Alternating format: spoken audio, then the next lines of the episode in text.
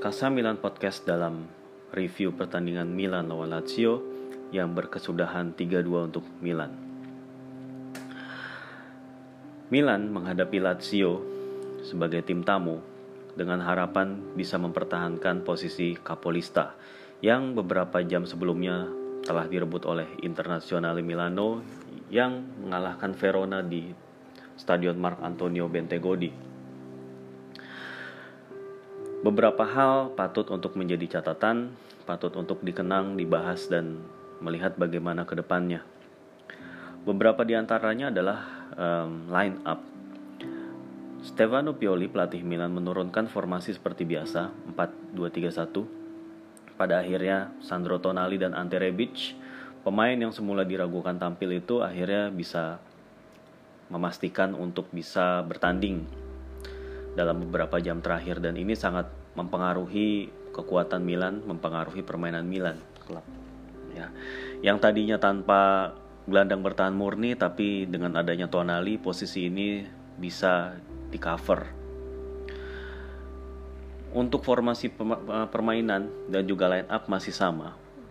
Komposisi pemain belakang masih Calabria, Kalulu, Romagnoli dan Theo Hernandez melindungi kiper Gigio Donnarumma Double pivot diisi oleh Sandro Tonali dan Rade Krunic, sementara tiga gelandang serang dihuni oleh Calhanoglu di tengah, Selemakers di kanan, dan Ante Rebic di kiri. Sementara posisi sebagai penyerang diisi oleh Rafael Leao, sementara Lazio juga tidak tampil tanpa kekuatan penuh. Francesco Acerbi absen karena cedera, begitu juga dengan Lucas Leiva sebagai gelandang bertahan. Hal ini kemudian membuat Simone Inzaghi menurunkan Patrick, Luis Felipe, dan Stefan Radu sebagai trio penghuni lini pertahanan dan juga kiper Pepe Reina. Di gelandang, Simone Inzaghi menurunkan Gonzalo Escalante, gelandang bertahan asal Argentina untuk mengisi posisi Lucas Leiva maupun Marco Parolo yang absen.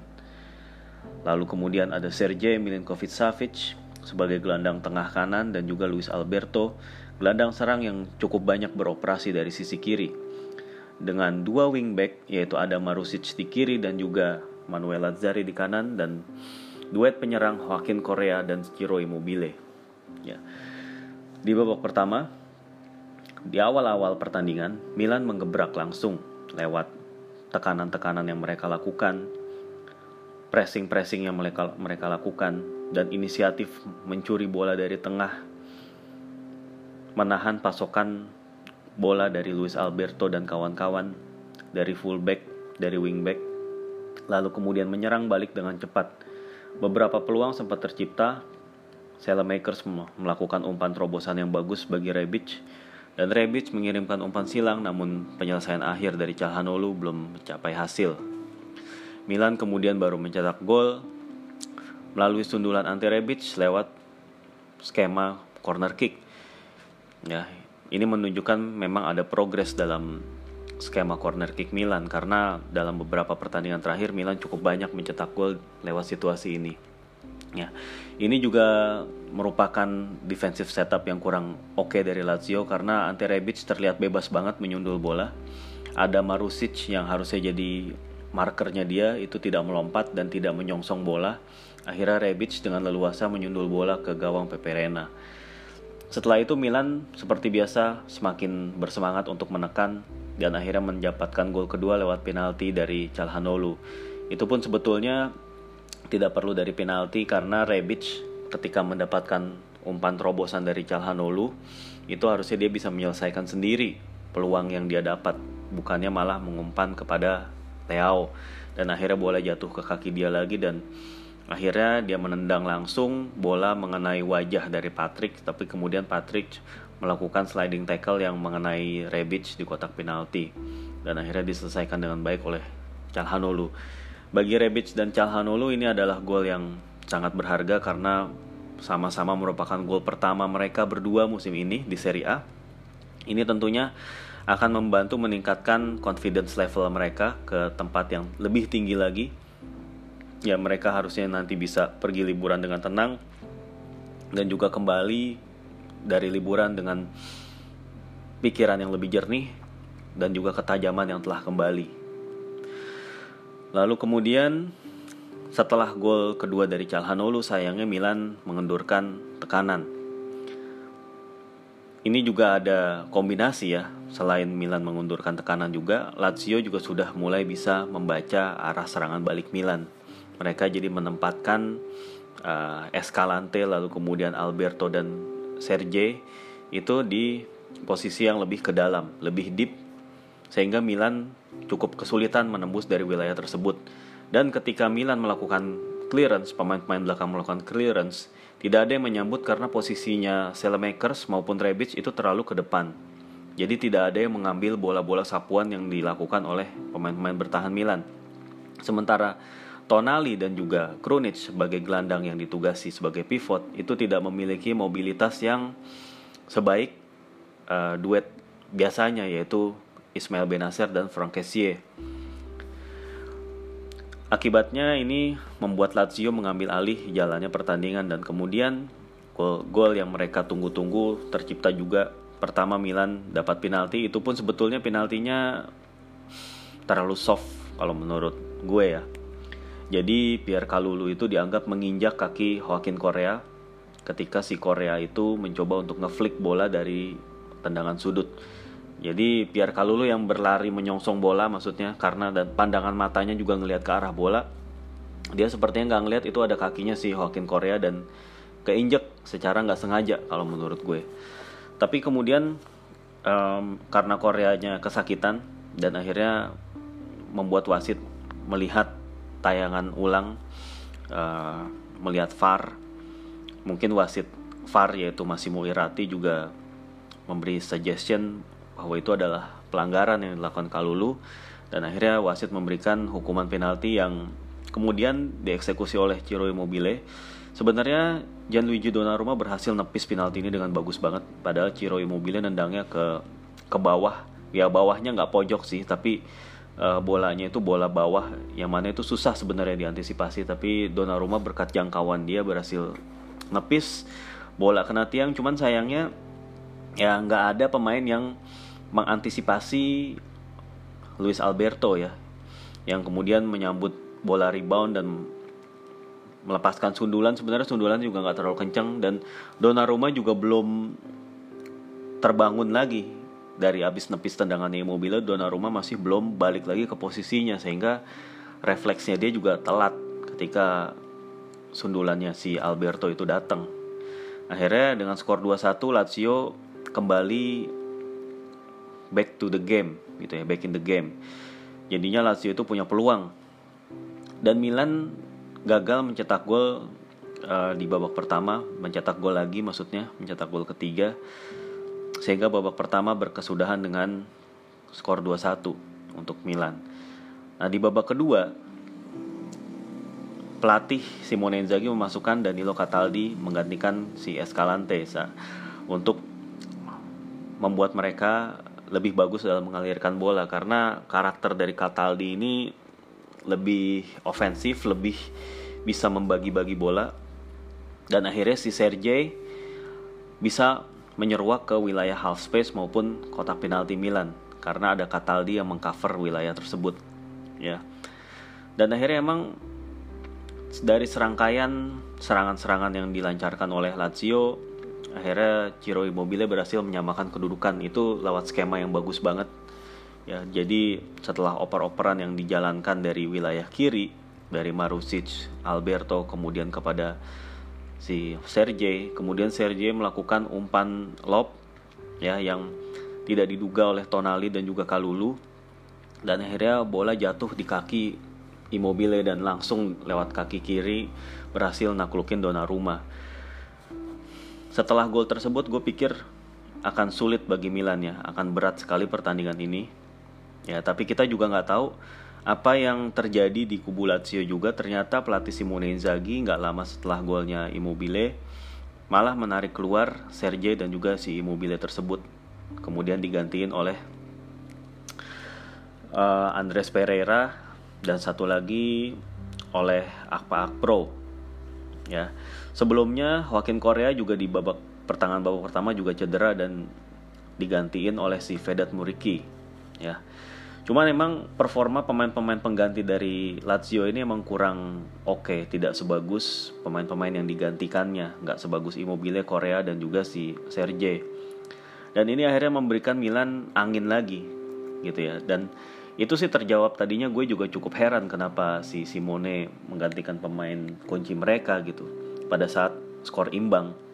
Padahal kalau dipaksain main, diterusin main, bisa aja Lazio yang menang kalau menurut gue ya dan di press conference si Simone Inzaghi bilang bahwa ini adalah rangkaian jadwal yang berat dan si Sergei dan juga si Ciro Immobile itu dalam kondisi kelelahan. Ya, menurut gue itu nggak bisa disalahin juga karena memang kondisi fisik dari pemain ya jelas tim pelatih yang lebih tahu daripada penonton lah ya.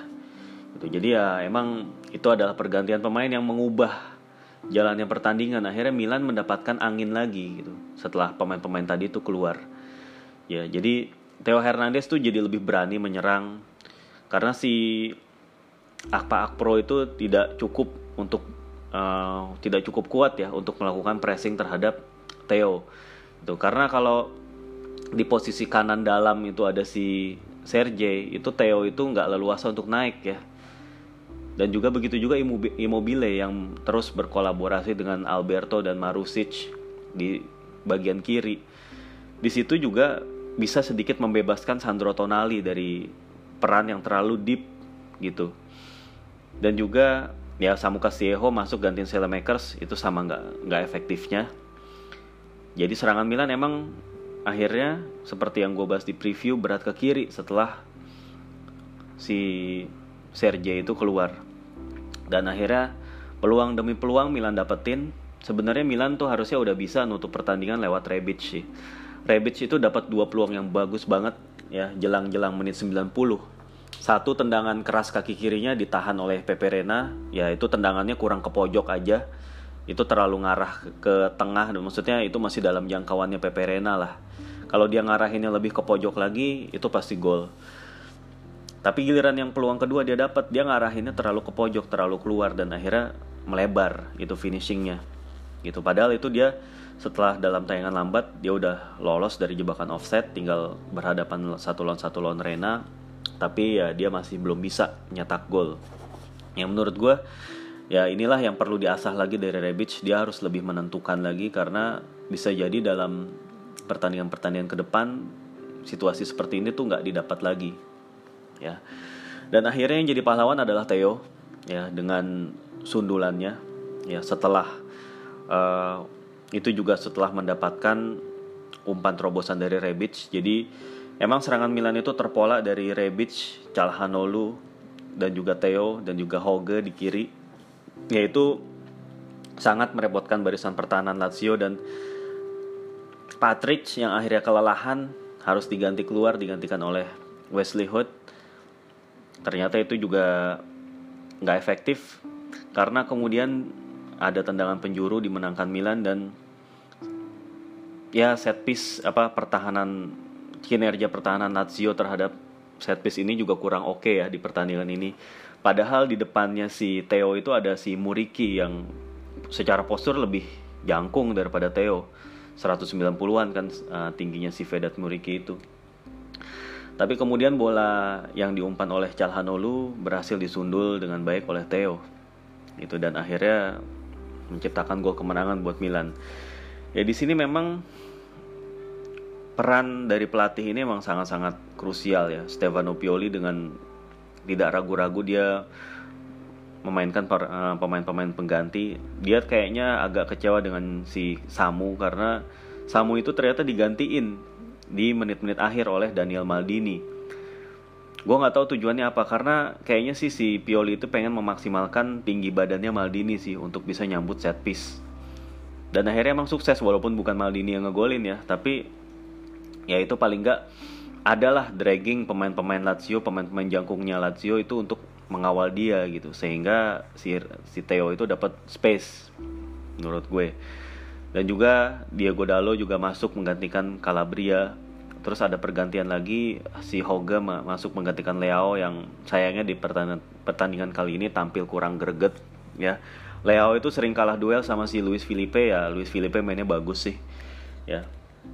terus kemudian nggak ada pertandingan nggak ada pergantian lain ya Krunic ya itu dengan upayanya dia dengan segala um, dengan segala apa yang dia lakukan dia mencoba meredam Sergei ya itu patut diapresiasi lah walaupun ini bukan performanya yang terbaik dia harusnya bisa lebih baik dari ini dan memang Krunic itu bermain di posisi yang tidak ideal buat dia. Ini bukan uh, bukan tugas mudah ya buat Krunic ini adalah game yang sulit gitu ya. Dan Pioli pun menyuarakan kepuasannya terhadap performanya Krunic karena mengisi per, uh, posisi Frank menjaga pemain seperti Sergej Milinkovic Savic itu bukan pekerjaan yang gampang. Dan terbukti akhirnya si Krunic baru bisa lebih leluasa um, melakukan forward run maupun passing-passing vertikal itu setelah si Sergej keluar gitu Lalu kemudian Tonali juga salut juga dia bermain cukup militan. Dia berkali-kali merebut bola, dia di tackle oleh pemain-pemain Lazio, dia dia nggak takut dengan pressure, dia semakin menunjukkan kepantasan dan kedewasaan dalam bermain ya.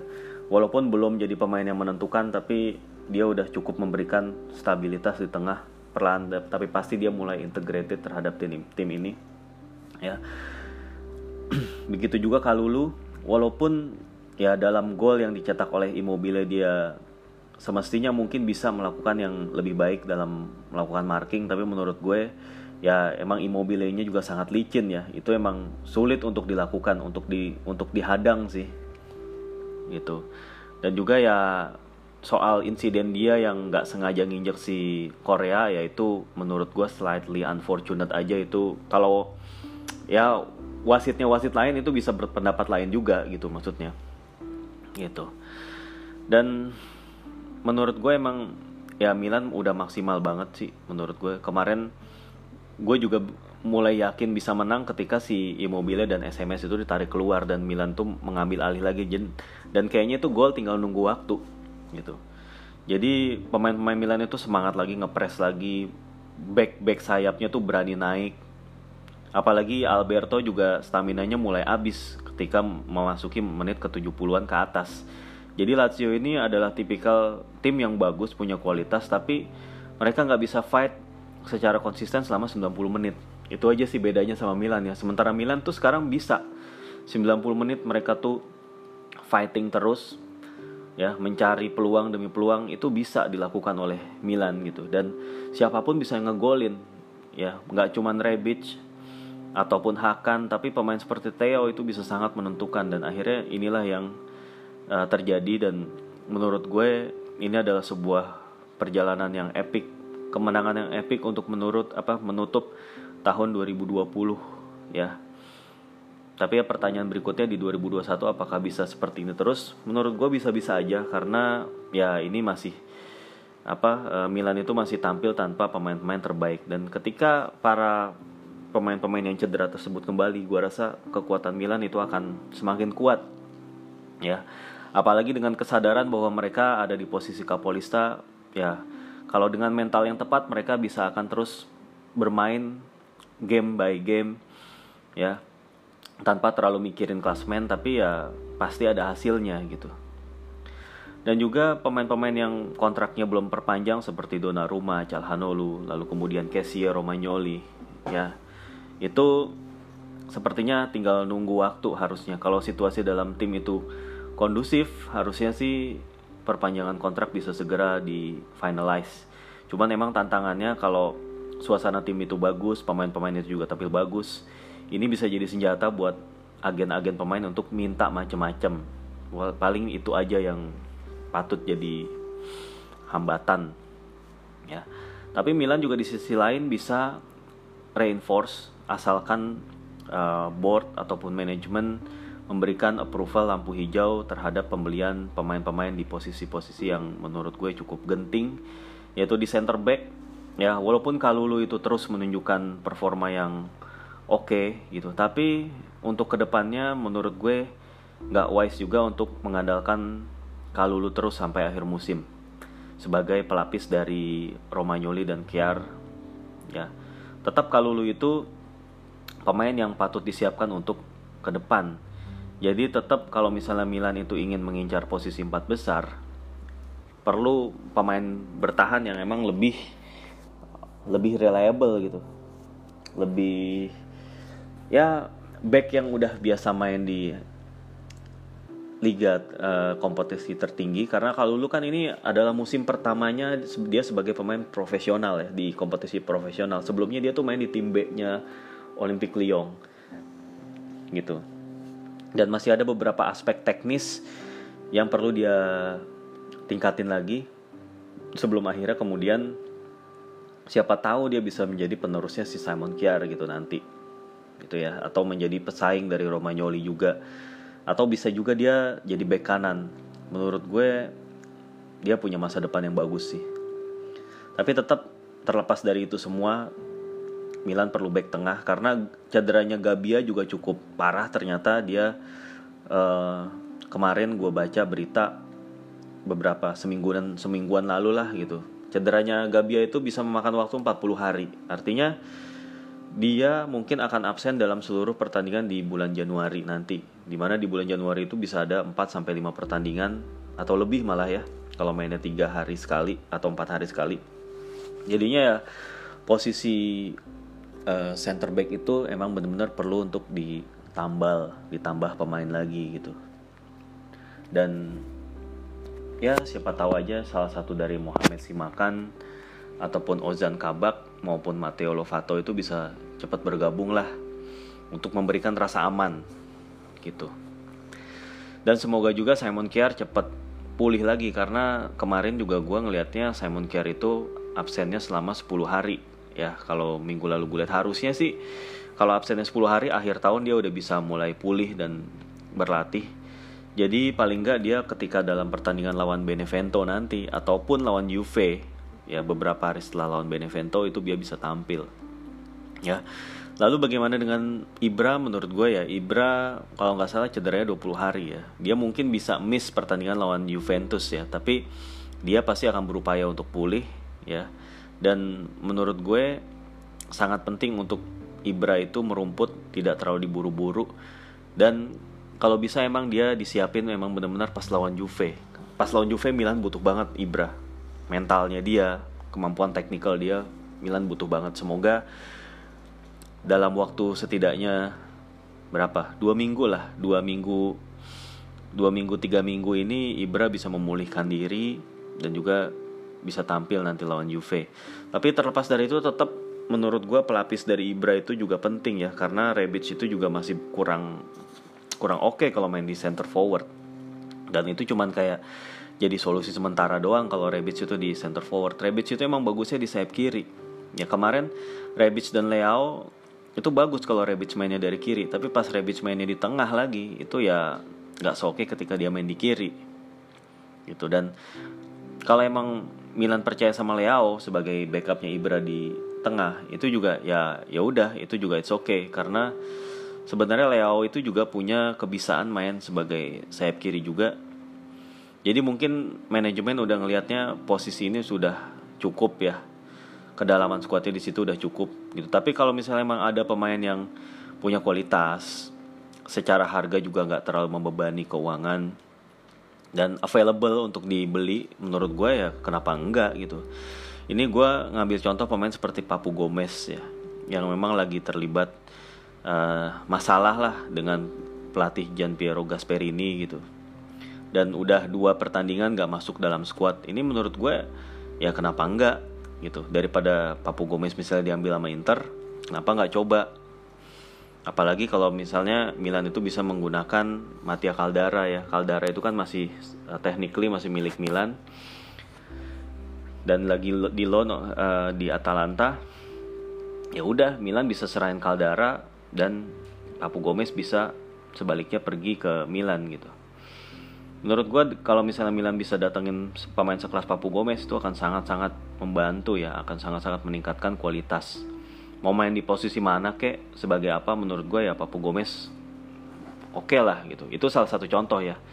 Tapi kalau misalnya emang nggak dapetin Papu Gomez juga ya it's okay menurut gue asal pemain-pemain yang cedera udah balik lagi gitu. Cuman ya kalau emang serius untuk ngejar empat besar atau lebih gitu gua rasa sih perlu perlu juga pemain untuk di depan. Gitu. Dan satu lagi di tengah nih. Menurut gua Rade Krunic itu sangat-sangat struggling ya kayak kemarin itu. Milan butuh sosok gelandang bertahan satu lagi setidaknya gitu. Untuk supaya kalau misalnya Kessie absen atau Tonali Benacer absen seperti cedera gitu tetap ada pemain pengganti yang nggak menurunkan kualitas. Ya mungkin Milan bisa coba minjem Lucas Torreira yang kelihatannya nggak kepake di Atletico ataupun coba untuk ngelihat-ngelihat peluang um, ya si Bokar Boka, uh, Somare ya Somare dari uh, Lille. Cuman gue ngeliat Somare juga jarang dimainin di Lille. Dia kalah saing sama Renato Sanchez sama Seka sama si Benjamin Andre. Ya menurut gue ya si Somare itu mungkin bisa dicoba dikejar tapi ya kalau dengan harga yang nggak terlalu membebani juga gitu. Karena dia toh buka belum jadi pilihan utama juga di Lille gitu. Ya menurut gue itu aja sih uh, sekilas tentang bursa transfernya uh, Milan ya. Balik lagi ke bahasan pertandingan ya menurut gue ini adalah kemenangan yang emang ditentukan oleh beberapa faktor sih ya. Faktor faktor lawan juga yang kelelahan, faktor Milan juga yang nggak menyerah gitu. Faktor gol-gol cepat yang bisa dibuat oleh si Rebic dan Calhanoglu. Dan seperti halnya di preview gue juga udah bilang bahwa kalau Milan itu berhasil ngedapetin gol-gol cepat ini akan lebih mudah menurut gue karena tim kayak Lazio ini nggak bisa dikasih ruang ya. Kalau misalnya seandainya tidak ada gol gol-gol cepat tadi, ya Milan gue rasa bakalan kalah ya. Karena ya cepat atau lambat Lazio akan mengambil alih permainan lewat kepiawaian Alberto, Marusic, lalu kemudian si SMS dan juga si Lazzari dan juga Immobile. Nah, itu udah, udah kombinasi yang bahaya menurut gue. Bahkan di level Eropa pun mereka bisa melaju sampai ke babak 16 besar UCL itu menurut gue udah prestasi yang bagus dan itu udah lebih dari cukup untuk menunjukkan betapa berbahayanya tim ini gitu. Dan akhirnya ya ketika Milan berhasil ngalahin tim ini tapi tanpa pemain-pemain inti menurut gue emang ya ini adalah the best we can do gitu. Ya ini emang menunjukin Milan juga bukan tim yang sembarangan ya. Tapi tetap tetap gue sebagai fans bukan fanboy fans fans biasa gue sih um, tetap beranggapan bahwa target Milan tetaplah empat besar. Lebih dari itu bonus. Sikap ini sebagai fans gue tetap pelihara karena kita lihat Inter di lain sisi sangat luar biasa penampilannya. Tujuh tujuh kemenangan beruntun dan bahkan tadinya gue pesimis Milan bisa mempertahankan Kapolista karena seri ya. Tapi Inter emang punya segalanya sih punya segala cara. Mereka bisa pas penyerang-penyerang kayak Lukaku itu macet tiba-tiba si Milan Skriniar bisa ngegolin kalaupun misal Alexis Sanchez itu absen gitu ya itu Lautaro kemudian step up gitu. Terus kemudian ketika uh, mereka itu tanpa si Erikson maupun si Gagliardini juga lagi nggak fit ataupun nggak perform mereka bisa switch ke 3-4-3 Perisic main di depan kayak kemarin. Terus kayak Barella dan Brozovic juga masih tetap main bagus. Ha Ashraf Hakimi juga udah makin menunjukkan kebolehannya dia pemain yang punya asis bagus finishing bagus speed bagus skill bagus. Itu pembelian yang bagus banget. Ya Hakimi itu bisa jadi faktor penentu sih menurut gue. Ya belum lagi defense-nya. Handanovic refleksnya masih bisa diandelin walaupun kadang-kadang bikin blunder. Kayak kemarin lawan Verona itu dia ada bikin blunder tapi tetaplah dia kiper berkualitas gitu. Back-back Inter juga kalau misalnya full team itu Bastoni, De Vrij dan juga si Skriniar itu ya solid banget lah. Jadi menurut gue tetap Inter itu adalah kandidat terdepan ya. Mereka punya kedalaman squad.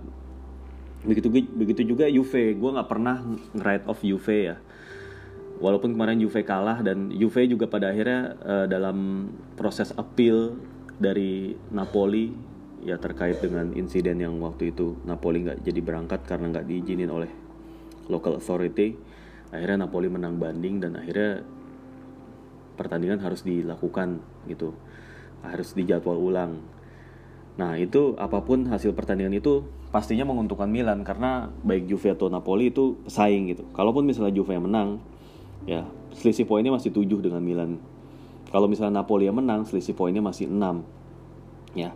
Tapi emang persaingan empat besar musim ini sangat ketat gitu. Jadi Milan, Inter, Roma, ya Milan dan Inter yang cuma selisih satu poin di peringkat 1-2. Lalu kemudian dengan Roma yang selisih cuma 5 ya, 4 atau 5 poin gue lupa.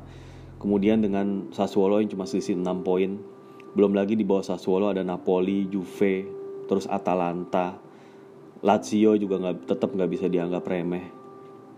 Jadi menurut gue ada 8 tim yang masih berpeluang untuk finish di empat besar dan ini kemenangan-kemenangan Milan ini penting ya untuk terus dikumpulkan. Ini sekarang udah 14 kali main. Milan itu membukukan 10 ya, 10 menang, 4 kali imbang. Ya kemarin gue sempat bilang Milan tuh perlu setidaknya membukukan 23 kali kemenangan supaya aman di empat besar 23 sampai 24 ya. Jadi paling nggak Milan butuh 14 kemenangan lagi lah untuk mengamankan posisi. Nah sekarang eh, 10 kali menang ya nanti sisanya di putaran pertama ya lawan Benevento, kemudian lawan Juve, Cagliari, Torino dan Atalanta. Itu lima pertandingan lagi ya bagus lah ya. Kalau misalnya Milan itu bisa menangin tiga di antara lima tersebut itu udah bagus menurut gue. Jadi pas putaran pertama itu kelar uh, Milan itu um, mengumpulkan setidaknya 13 kemenangan gitu. Ya 13 kemenangan itu kan berarti 39 poin ya ditambah hasil imbang poinnya itu udah 40-an gitu. Dengan asumsi kemudian di paruh kedua misalnya ada penurunan kira-kira ya performancenya cuma 75% dari putaran pertama ya paling ya drop pointnya masih bisa termanage masih bisa ditolerir dan akhirnya ya dengan sedikit bounce back misalnya bounce back kayak dua atau tiga win a row ya menurut gue itu udah cukup untuk menempatin Milan di posisi empat besar dengan nilai setidaknya dengan poin 75 ke atas ini masih jadi achievable cuman ya syaratnya tadi tetap membumi tetap approach-nya sama, tetap mentalnya juga mental yang mental nggak mau kalah dan juga perpanjang pemain-pemain kunci, beli pemain-pemain yang emang diperlukan untuk menambal kekuatan di beberapa lini seperti belakang, tengah dan depan. Ya.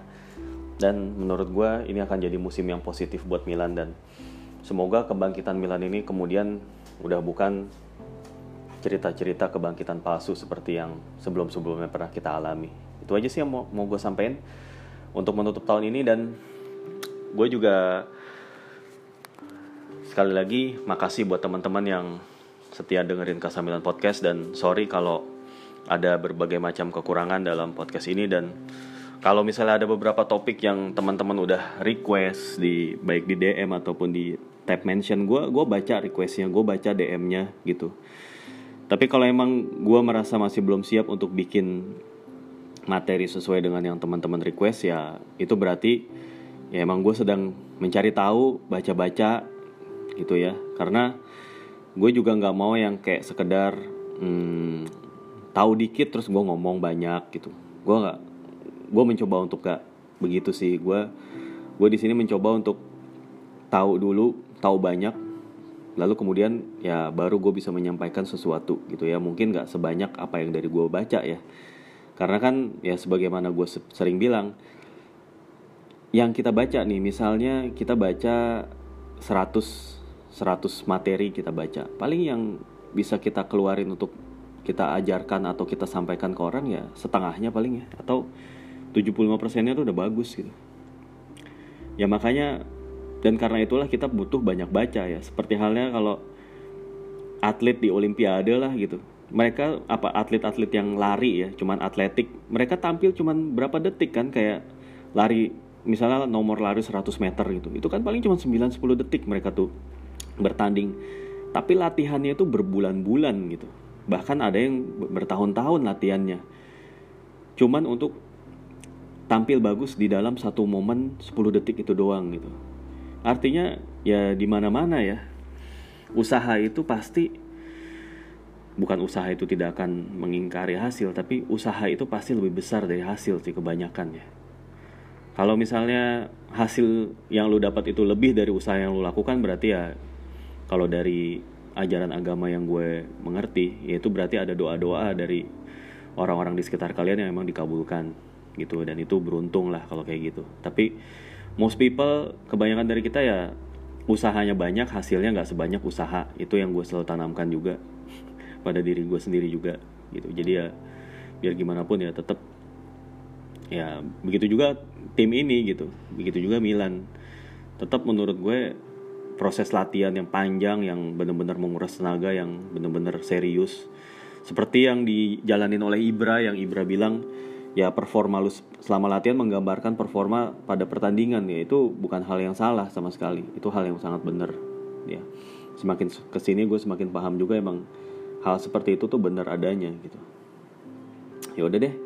Um, terima kasih sekali lagi buat teman-teman. Mungkin untuk menutup tahun 2020 ini gue juga nggak uh, tahu gue bakal bikin podcast lagi atau enggak gitu di tahun sama sisa tahun ini gitu ya. Mau bahas apaan gue juga masih belum kepikiran karena match itu baru nanti ada tanggal 3 lawan Benevento uh, setelah ini libur dan ya udah.